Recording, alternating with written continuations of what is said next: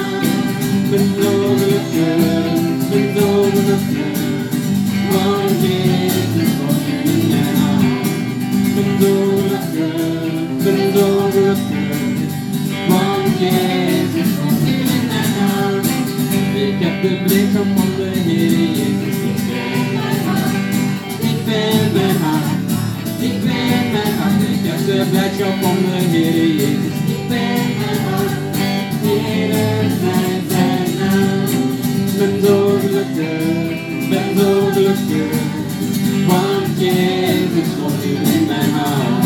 Ik ben zo gelukkig, ben zo gelukkig, want Jezus zit in mijn hart. Ik heb de vreugde, liefde, vrijde, blijdschap, ik ben mijn hart, ik ben mijn hart. Ik ben mijn hart, ik heb de vreugde, liefde, vrede, blijdschap, ik ben mijn hart. Ere zij zijn naam.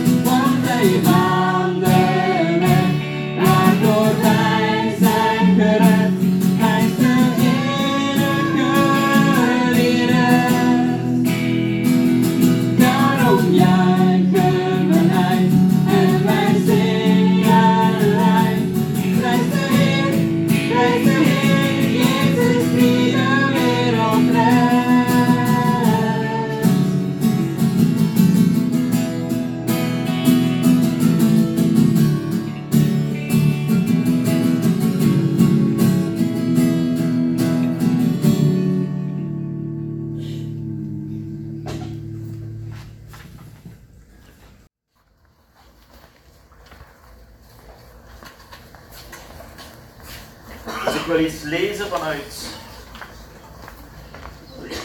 Lucas 6, maar die moet ik dan.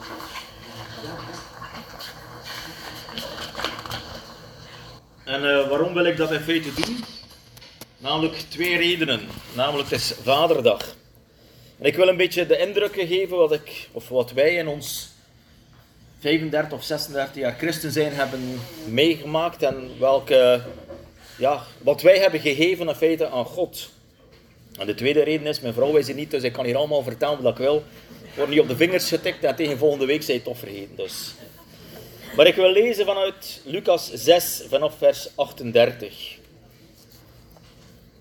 Geef en u zal gegeven worden.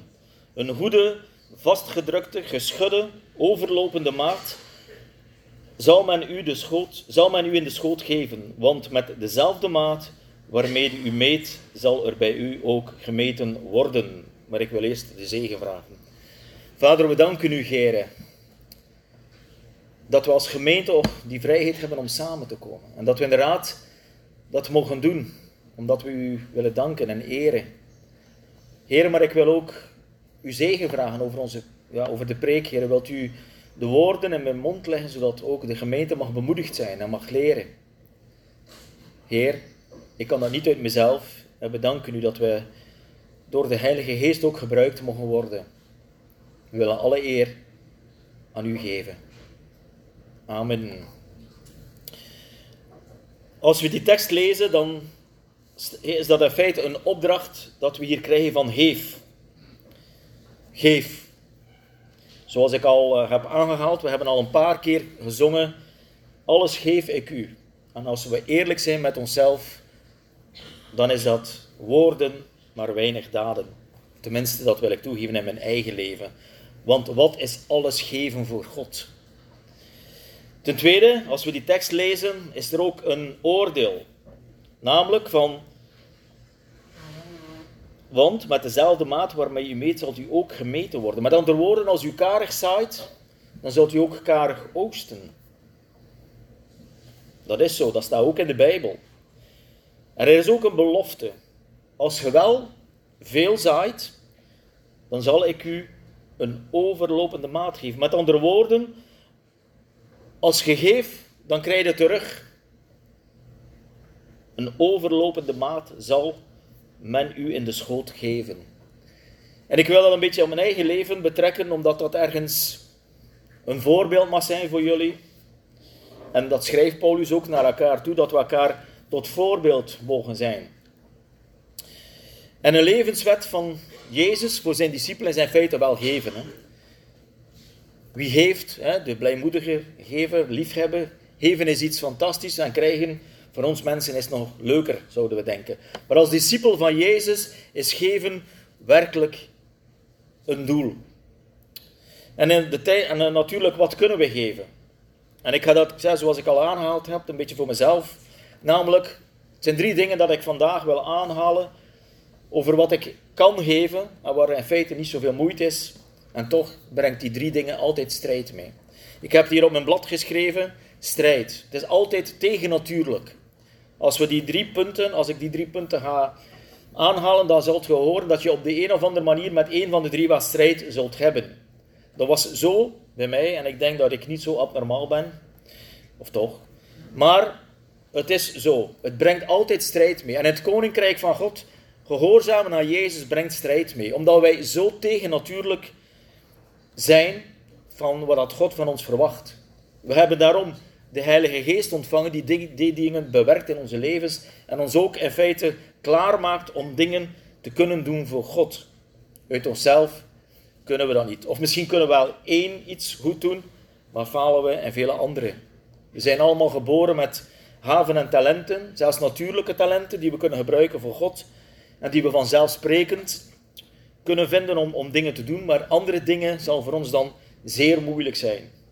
En die drie dingen zijn geld, tijd en je naaste liefhebben als jezelf.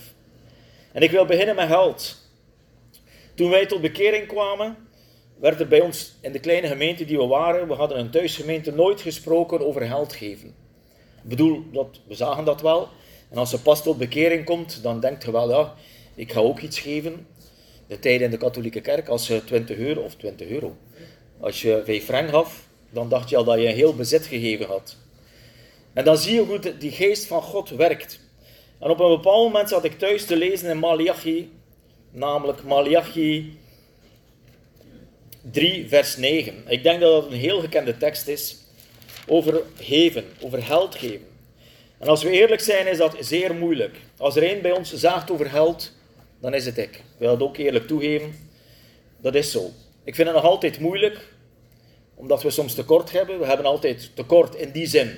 We hebben nooit tekort gehad, maar dat we wel een keer in het rood gingen. We hebben jarenlang geleefd met één loon. We hebben verbouwingen gedaan die tien jaar hebben geduurd en waarvan er ook mag gezegd worden dat er vaak strijd aangaf. Dat was zo.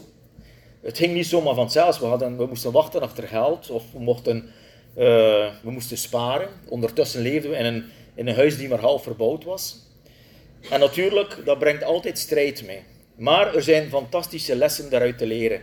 En, ik, en in feite zijn we allebei dankbaar dat we die lessen hebben mogen leren. Natuurlijk, dat geldt niet voor iedereen. Als je een goed loon hebt, dan is dat heel anders natuurlijk. Ik spreek maar van wat ik en wat wij hebben ervaring. En dat is namelijk het volgende. Daar staat er in uh, Malachi 3, dat wordt geschreven in het Oude Testament. Dus voel u nog niet ongemakkelijk. Ik ga straks nog een tekst lezen van het Nieuwe Testament. Maar daar staat er, zou een mens God beroven? Werkelijk, u berooft mij, zegt God. En dan zegt u, waar, waar, waar, waarvan beroven wij u? En dan zegt God, van de tienden en het hefoffer. U bent door de vloek getroffen omdat u mij berooft als volk in zijn geheel. Breng al de tienden naar het voorraadhuis, zodat er voedsel in mijn huis is. Beproef mij toch hiermee, zegt de Heere van de legermachten, of ik niet de vensters van de hemel voor u zal openen en zegen over u zal uitgieten, zodat er geen schuren genoeg zullen zijn. Dat was die tekst toen ik dat las. Namelijk van wat doen we daarmee? Het is in het Oude Testament geschreven en ik heb dat toegepast. Ik heb vanaf die tijd dat ik dat heb beslist tot nu altijd mijn tiende gegeven. En niet alleen van mijn geld, dat ik, van mijn salaris, maar ook van mijn congégeld, van ons kindergeld. En we hadden toen al wat kindergeld. Dus van alles heb ik tiende gegeven. En als je nu een keer kijkt, als we werken nu met twee, we hebben al twee congé gehaald, als je daar een tiende van neemt, is dat al een heel bedrag. Maar er staat een zegen bij. Ten eerste zegt God, beproef mij toch hiermee. Beproef mij, of ik niet de vensters van de hemel voor u zal openen en zegen over u zal uitgieten. Moet eerlijk zeggen, ik heb dikwijls gedacht, die vensters zijn nog niet te groot bij God. Het is niet allemaal een, een, eh, een fantastisch verhaal, maar achteraf zie je pas dat de zegen erover uitgaat. En ik wil enkele voorbeelden geven. Zoals ik al zei, geld is voor ons allemaal misschien, of voor de een moeilijker dan voor de andere. Maar beeld u een keer in dat je geen geld hebt op uw rekening. Geen spaarrekening. Ik mag eerlijk zeggen, we hebben maar jaren geleefd zonder veel spaargeld. Bijna niks. En als er dan, en ik, ik winde mij daar soms wel een beetje van op, ik geef dat eerlijk toe. En als we dan een beetje geld hadden, dan was onze auto kapot. Of een van onze kinderen trouwde, wilden we een beetje geld meegeven. Met andere woorden, dat was voor mij altijd een strijd van spaargeld. En beeld u nu een keer in, mensen, jullie zitten hier allemaal in de kerk dat jullie niks hebben van geld. Want geld is een grote macht. Stelt u nu voor dat u ook, misschien hebt u veel geld, dat u dat allemaal zou kwijtspelen en dat u daardoor, want vele mensen vertrouwen op geld, zou moeten vertrouwen op God. Die uitdaging hebben wij aangegaan en ik moet eerlijk zeggen, het was een zegen dat we ontvangen hebben. En ik wil een paar voorbeelden aanhalen. Ik zeg er altijd bij, het heeft ook strijd gekocht, gekost. Het is niet zomaar iets van halleluja. We hebben tien jaar verbouwd en de mensen die in de tijd bij ons kwamen, die hebben vaak gezegd, amai, hoe leven die? Maar we hadden genoeg. Onze kinderen, onze oudste kinderen vinden dat nog altijd een van de mooiste tijden. Ze zaten, we, hadden, we leefden allemaal in de keuken, we hadden geen badkamer, we hadden zelfs geen warm water. We hadden alleen een tuinslang in de living. En we staken onze kinderen in een wasman in bad. En de drie oudsten, de jongste niet meer, want die zijn opgevoed in luxe, vonden dat nog altijd de, de, de mooiste tijd. Maar het was inderdaad, dat brengt strijd mee. Maar dat was gehoorzaam. We hadden besloten van, kijk, als we trouwen, hier werkte het werkte toen van, als we kinderen hebben, dan stoppen we. Geertrui bleef thuis, we kregen ook geen dop. We hadden allemaal heel zo be... We wilden ook niet profiteren, ik ga het zo zeggen. We gaan doen en echt leren wat God ons geeft. En dat heeft God gedaan. We hebben mogen ervaren hoe dat God ons heeft gezegend. En ik moet eerlijk zeggen, als je kijkt naar het resultaat, ben ik heel blij. Dat huis dat we gekregen hebben, ben ik heel blij. Het is een huis naar mijn wens. Een beetje op een buiten, maar niet heel op een buiten. Een groot huis, een grote tuin. Alles wat ik wenste. Dat is de zegen die de Heer zal uitgieten. En soms mogen we dat ook proeven. Een van onze kinderen is ook op zoek naar een huis. Of een van onze kinderen heeft al een huis, de andere is nog op zoek. En hij heeft ook een huis ontvangen dat hij zegt, natuurlijk, je moet het wel afbetalen, maar het ook een huis naar zijn hart. Ze hadden ook niet gedacht dat ze zoiets konden kopen. Ons Rode is ook op zoek naar een huis. Hè? En ik zeg, wacht, misschien komt er wel iets op uw pad, want God geeft. En toen uh, ik wil een voorbeeld of twee voorbeelden aanhalen van uh, hoe God ons bemoedigde daarin. En dat was namelijk op een moment, toen ons huis nog niet veranderd was, zat ik op het toilet en de deur was open, dat was dan op de veranda. En ik zeg tegen God, ik zou nog een keer graag 500.000 frank. Dat is dan 12.500 uh, euro, om hier nog een beetje te verbouwen. Want dat, ja, dat blijft hier maar aanhalen. ik, ik had het zomaar gezegd, zomaar. Zonder na te denken, zonder nog voor de berg zat gewoon op het wc gedachte die zei van, dat heb ik nodig. Of dat heb ik nodig, dat zou ik graag hebben. Wat gebeurt er? Drie weken daarna zegt mijn vader, mijn moeder is al lang gestorven, dus het huis is in feite uh, te delen door drie of door vier. Mijn vader een deel en wij drie delen. Dat huis zegt hij, ik ga dat verkopen, ik, ga, ik word te oud, ik ga naar Gent gaan wonen. door omstandigheden en ik ga het verkopen. En de prijs voor dat huis was eh, dus 2 miljoen, dat is eh, 50.000 euro, delen door 4, kregen we elk 12.500 euro. En ik vond dat zo wonderlijk, dat dat zomaar, mijn vader had daar nog nooit iets van gezegd van om dat huis te verkopen, dat dat zomaar gebeurt. Dat zijn dingen dat je in feite nooit vergeet, dat je de zegen en de goedheid van God ervaart. Nog iets, en misschien hebben jullie dat ook, eh, als je veel kinderen had, dan moest je ook geen belastingen betalen. Dat was een voordeel. We hebben altijd veel kinderen ge- gehad omdat we geen belasting wilden betalen.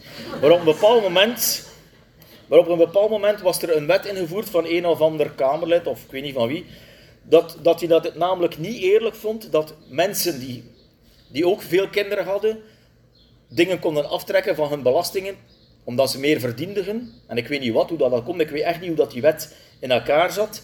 Maar in ieder geval, het kwam erop neer dat wij plots door die wetsverandering, en ik denk iedereen die toen veel kinderen had, kan daarvan van mij getuigen, dat we plots van, in feite van 1000 euro terugkregen, bijna 3 tot 4000 euro terugkregen. En we betaalden al geen belastingen. En ik vond dat ook zo weer een genadegave van God, van Hij zorgt voor u. Hij zorgt. En dat is de dag van vandaag ook zo moeilijk om dat te ervaren, dat God nog niet veranderd is. Maar wij moeten durven te vertrouwen dat God inderdaad zorgt. En is dat nu omdat ik die tiende geef? Ik ga straks een, eh, een tekst uithalen uit het Nieuwe Testament. Maar ik vind het altijd zo wonderlijk dat wij als gewone mensen, dat God hoort naar ons. Dat God zorgt. We zijn nooit niet rijk geweest, dat zullen ook nooit niet rijk zijn, maar we hebben nooit tekort gehad. En ik wil dat ook zeggen tegen de mensen die hier met één loon een huis hebben gekocht en moeten verbouwen. Ik weet wat het is, het is vaak moeilijk. En het gaat niet zo dat je in 1, 2, 3 alles hebt. Het duurt soms jaren. Maar je hebt een huis, je hebt onderdak, je hebt eten. En in de Bijbel zegt, dat is genoeg. En ik denk inderdaad, dat is genoeg. En het houdt ons ook af van hoogmoed, of van hoogmoed, of van wereldsgezindheid. Want als je veel geld hebt, dan doe je dingen, en ik ervaar dat ook bij mijn eigen soms, dan koop je dingen dat je zegt, ja, in feite ik dat niet nodig. Maar je moet je een keer inbeelden dat je nu dat je iets wil kopen, en dat je zegt, nee, ik ga dat nu een keer niet kopen, en ik ga dat nu een keer geven aan de zending. Hoeveel van ons hebben dat al gedaan? Want ik ga nu dat geld, dat ik in feite kon gebruiken, maar niet echt nodig had, wegleggen en geven aan de zending. Ik moet eerlijk zeggen, ik heb het nog nooit gedaan. Ik geef dat eerlijk toe. Ik heb altijd mijn tiende gegeven. En als we over hadden, heb ik het ook gedaan. Maar ik heb altijd goed voor ons, voor mezelf gezorgd. In die mate dat het mogelijk was. Mag dat? Dat mag zeker. Maar God kent ons hart. We willen geven. Of ik wil geven. En daarom vind ik het altijd zeer belangrijk. En vind ik dat een goede toetssteen voor ons christenen, namelijk tienden geven. Van alles. Mensen, soms spreek ik wel van, over mensen, over tienden, ook met de kinderen. eh, van tienen te geven alleen van uw salaris. Oké, dat mag. Het staat niet in van wat. Maar van alles. En God geeft. God geeft. En dan wil ik voor de mensen die geen tiende geven ook geruststellen. Want tiende geven was voor het Oude Testament. Maar hoe meer dat je geeft, hoe meer dat je terugkrijgt. Denk aan die vensters. Het zijn soms grote vensters. Het zijn levenslessen die we ontvangen. Het zijn dingen die God geeft wat we nodig hebben. Want soms kunnen wij ook dingen niet aan. Laten we eerlijk zijn. Veel geld. Zoals we, ik weet nog in een tijd was er een programma van 10 miljonairs die geld hadden gewonnen. Groot lot, ik denk 40 of 50 miljoen Belgische frank in de tijd. En van die 10 waren er nog twee die geld hadden. Al de rest was er doorgebuist. Dus mensen kunnen niet altijd omgaan met geld. En dat is ook niet het belangrijkste. Het is niet het belangrijkste. En God zorgt voor ons. Daar ben ik van overtuigd. Dat kan ik ook getuigen.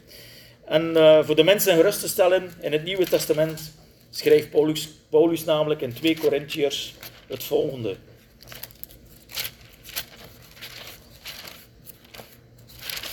Namelijk in 2 Korintiërs 9, vers 8.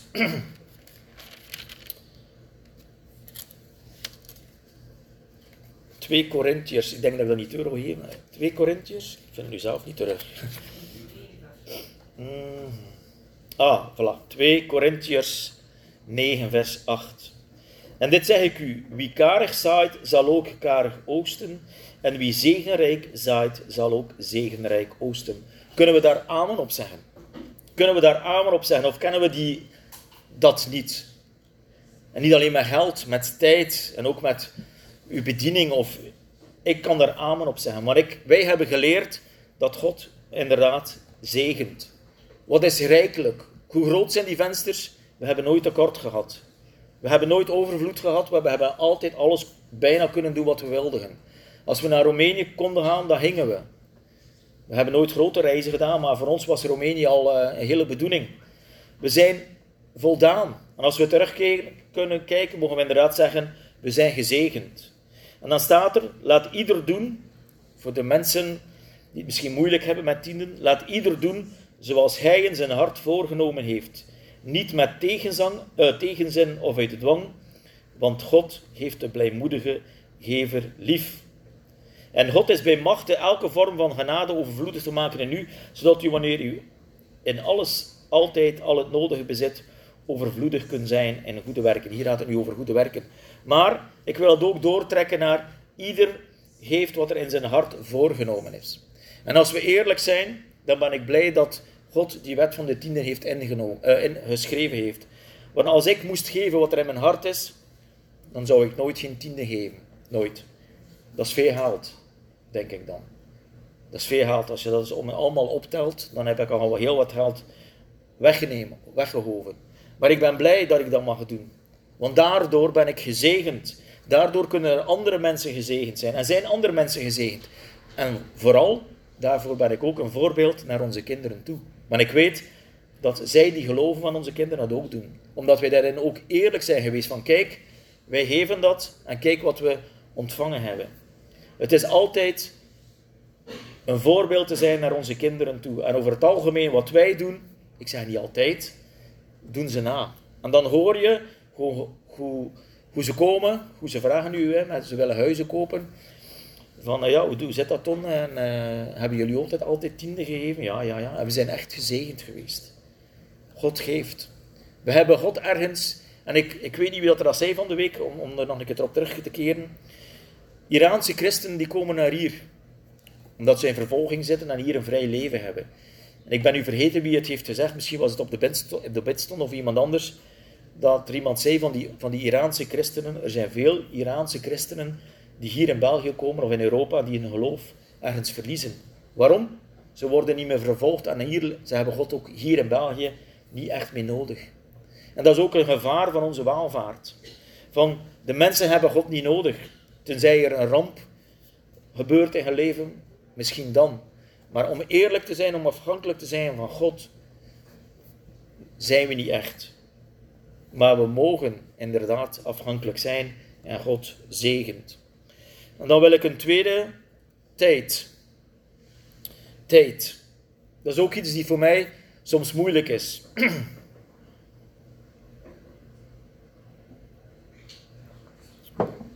Ik zeggen, ik heb altijd geworsteld met tijd om stille tijd te houden. En ik ga eerlijk zijn, ik ben gewoon eerlijk. Ik lees niet elke dag mijn Bijbel omdat ik soms geen tijd heb. En soms geen tijd neem en soms te moe ben. Als je gaat gaan werken, en we kennen het allemaal, misschien als ik in pensioen ben zal dat anders zijn, dan schiet er heel weinig tijd over. Of dan nemen we heel weinig tijd om tijd aan God te geven, stille tijd te houden. Gebed, het woord lezen, ik denk, als ik eerlijk ben in mezelf, dat ik daar ook te weinig tijd in steek. Maar wat ik wel heb, altijd heb gedaan, al had ik soms weinig tijd, we hebben ons altijd verplicht, alhoewel dat je dat een verplichting kunt noemen, om naar de bidstonden te komen of naar een bijbelstudie te gaan. We hadden vroeger, we zijn al uh, een kleine 36 jaar christen, we hadden vroeger een, een huisgemeente en we hadden bijbelstudie 20 jaar lang bij Jaap Verhouwen. Ik denk dat we om de 14 dagen en al die tijd Bijbelstudie hebben gevolgd. En elke week, of om de 14 dagen, ik weet het niet meer, uh, uh, naar, de gebed, uh, naar de bedstondes komen. Dat zijn dingen dat je zelf moet nemen. Stille tijd houden is moeilijk thuis. S morgens lees ik wel iets, maar echt is dat stille tijd, dat is vlug iets lezen. En oké, misschien in de rest van de dag dat ik daar soms een keer over nadenk, of als ik een preek heb, dan is dat natuurlijk wel anders. Maar over het algemeen is dat heel vluchtig. Maar wat we wel kunnen doen, en wat we ook hier te weinig doen, is naar de bidstonden komen en uh, bijbelstudies volgen. Waarom? Omdat je weer een voorbeeld bent naar je kinderen. En dat vergeten we. We zijn een voorbeeld voor onze kinderen. En ik zeg niet dat het automatisch zo zal zijn, maar als wij dingen besluiten en tijd geven aan God, dan zal God ons op de een of andere manier rijkelijk zegenen. Daar ben ik nog altijd van overtuigd. En ik vind het zo heerlijk. En aan de andere kant, waarom zijn we zo wereldsgezind en hebben we zo weinig tijd voor God? We hebben zo pas gelezen en zo pas aangehaald. Prijs de Heer, want Gij redt ons. En dat komt omdat wij te weinig beseffen wat die redding inhoudt in ons leven. We leven daarop los en we zeggen, ja, we zijn gered van de rest. Ja, zeg. We moeten niet overdrijven in godsdienst. Maar als de Heilige Geest ons dwingt, en soms dwingt hij ons niet, soms moeten we onszelf onze luie kant opheffen en dingen gaan doen voor God. Het is niet zo dat de Heer zegt van, ga je opheffen en hup, ga naar de bidstol, naar de bijbelstudie. Wij moeten keuzes maken. En dat doen we niet. We blijven liever lui achterover hangen. Vinden het niet nodig.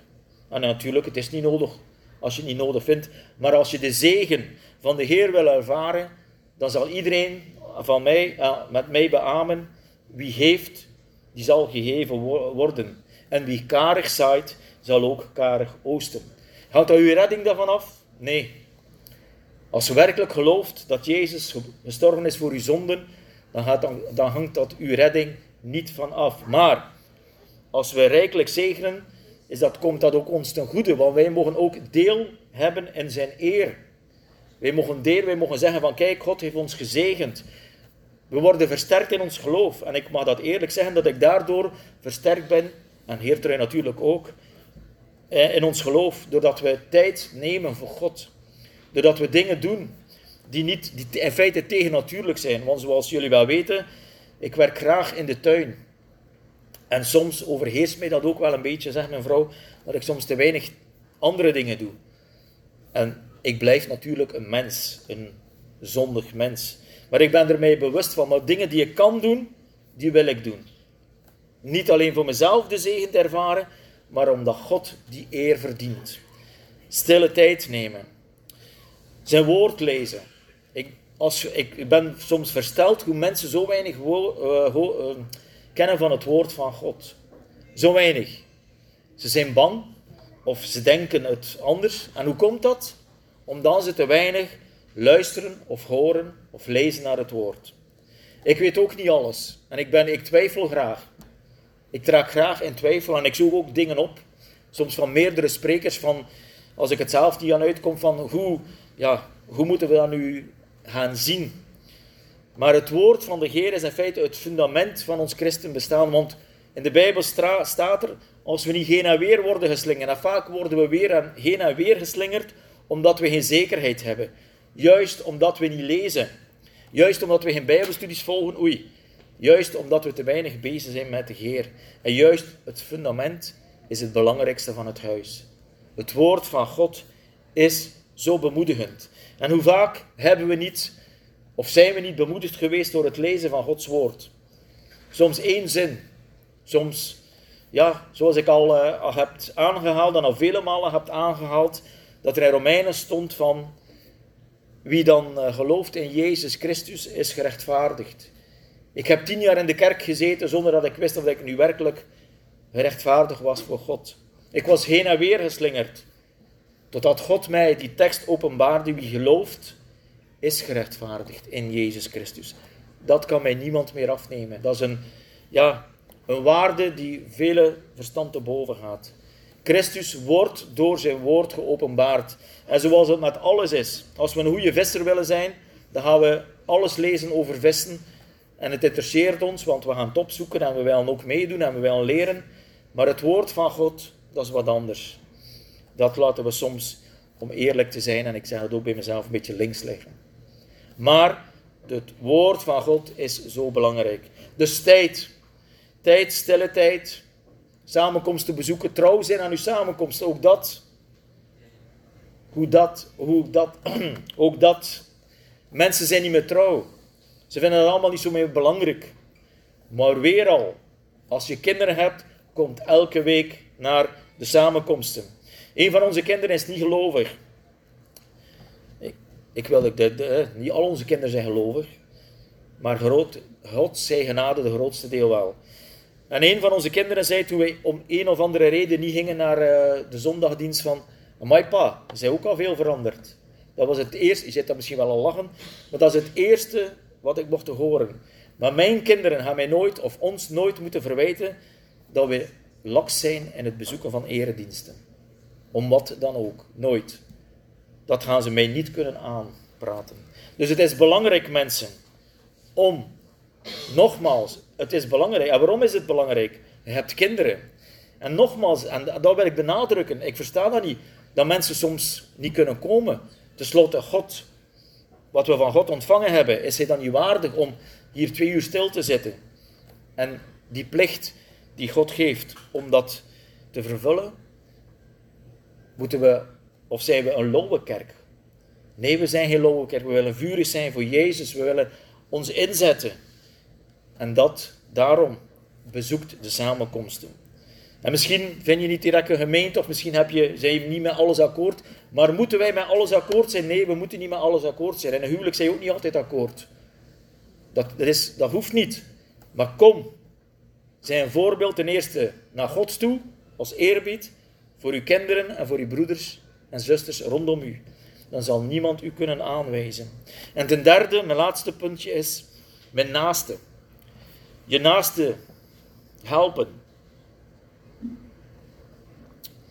Een van de discipelen of een van de fariseërs vroeg, wie is mijn naaste? We kennen allemaal dat verhaal van de barmhartige Samaritaan.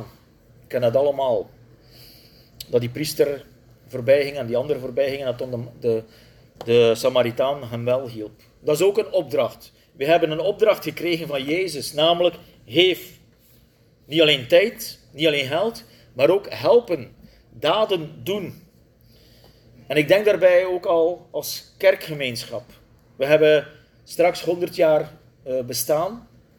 We hebben nog mensen nodig op 24 juni om zich in te zetten voor op te keuzen of te bedienen. Ja, mensen. En het meestal, jammer dat ik het moet zeggen, maar het zijn altijd dezelfde die erop staan. Oké, we hebben allemaal excuses. We hebben, we hebben veel werk, of we zijn moe, of het is si of la. Ik ben ook moe en ik heb ook veel werk. En, ik, en toch doe ik het. Waarom? Ten eerste omdat ik een voorbeeld wil zijn. En ten tweede omdat het God, het is voor God. Het is niet voor de wereld dat ik iets doe. En dat is juist die mentaliteit van ons moet veranderen. En misschien zit ik hier een donderpreek te geven, maar het, ja, dit interesseert mij eerlijk gezegd niet. Ik denk dat het door God komt. Maar dat is het. Als wij christenen zijn, dan moeten wij bepaalde dingen doen en laten. En we kunnen niet allemaal hiervan voorstaan. Dat hoeft niet. Dat hoeft niet, maar we kunnen ons wel inzetten. Denk nu maar aan de zending. Zoals ik had aangehaald, gaan werken onder de zigeuners. Dat is niet voor mij. Of te waar dat God mij enorme genade geeft om dat te doen. Maar ik zou dat zeker niet doen. We moeten niet allemaal gelijk zijn, maar wat we kunnen doen, moeten we doen.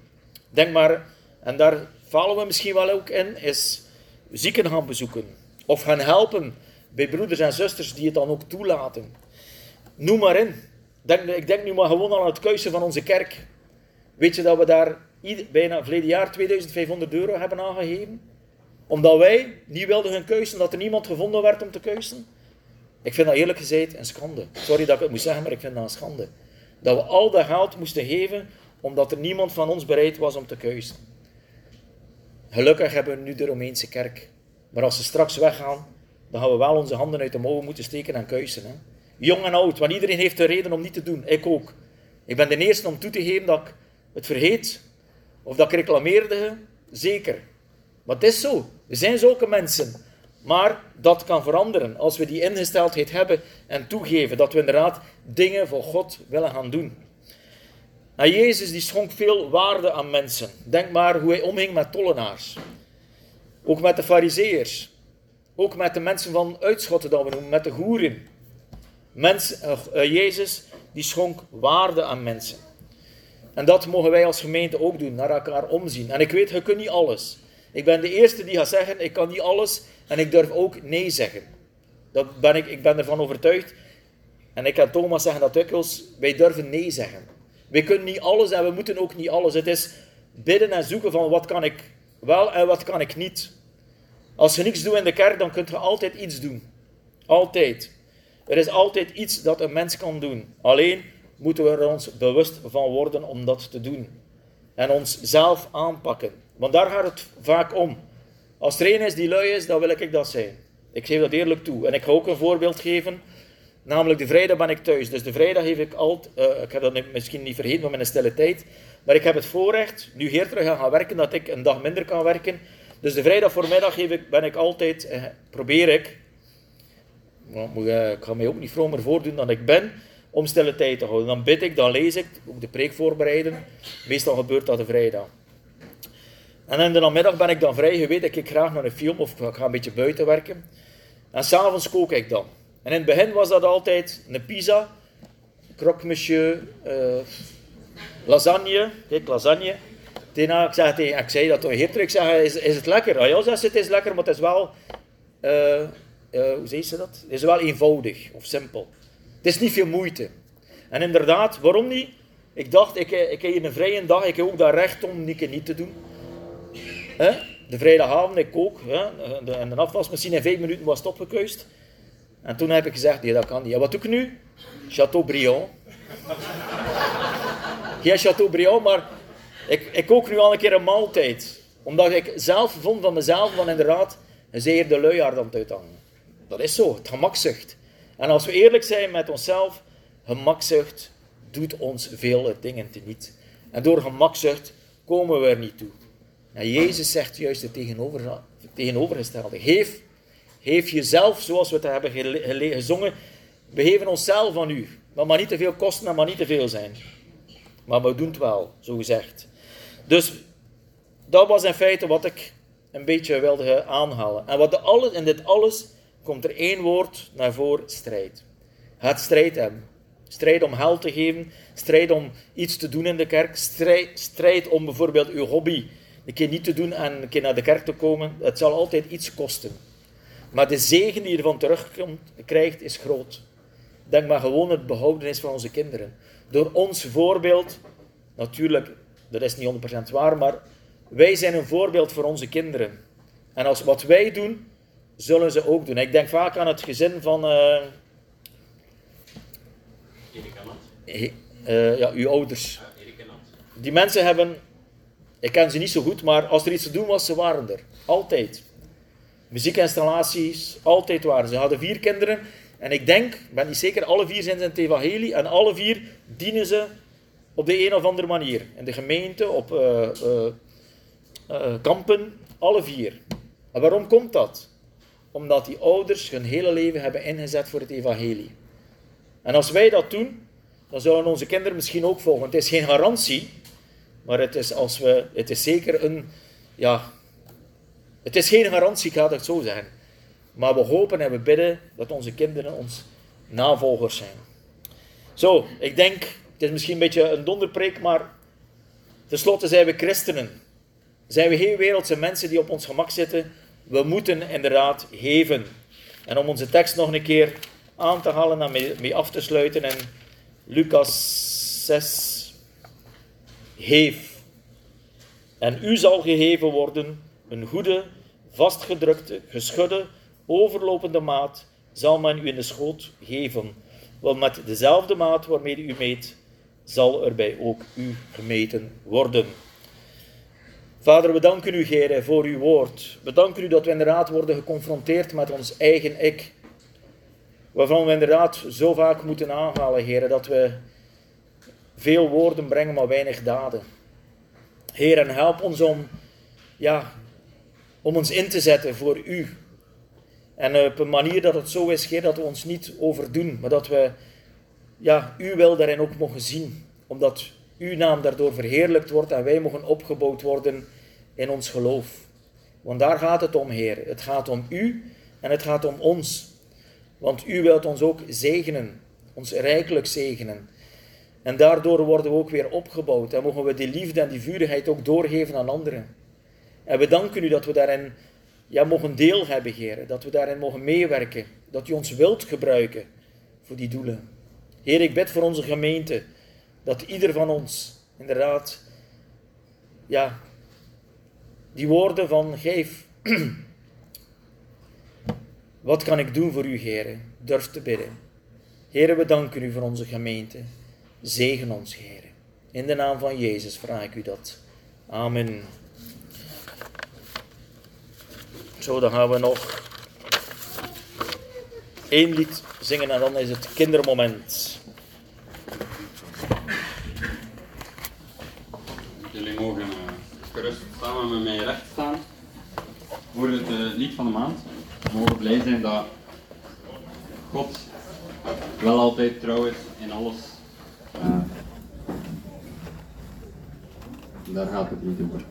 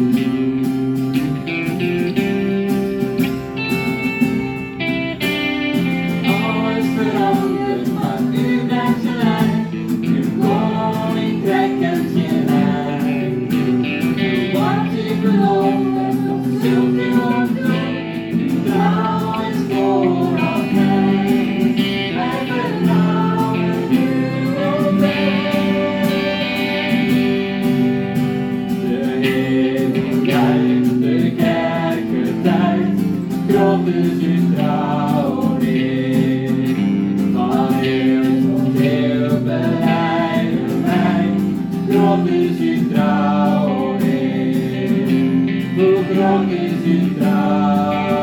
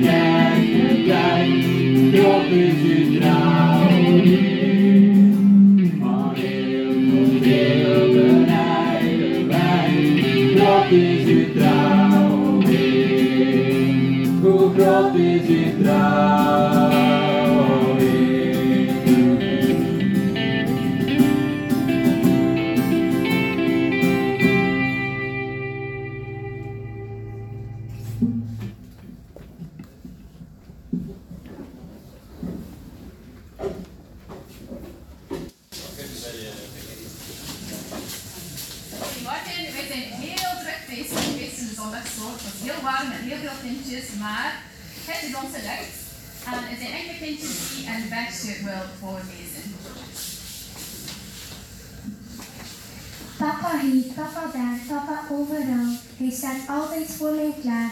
Maar nu draaien de rollen eens om. Nu sta ik voor hem klaar.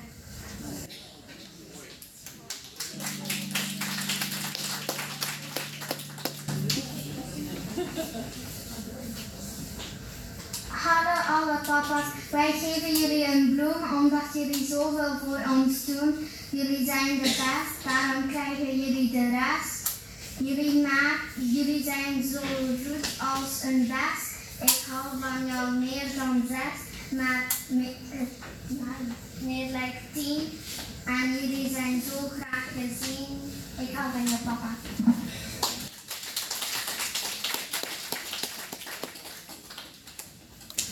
Er zijn veel verschillende papa's in onze wereld.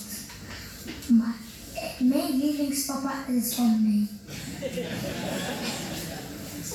Ik en ik ben, ik ben zo blij dat ik zijn kindje mag zijn.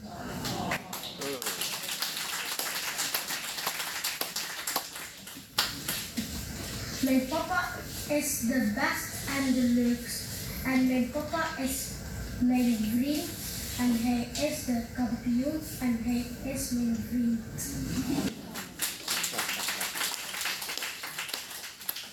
zij, zij hebben vanmorgen bloemetjes geplant. En, maar jullie gaan eventjes moeten wachten om te zien wat voor plant dat ze zien.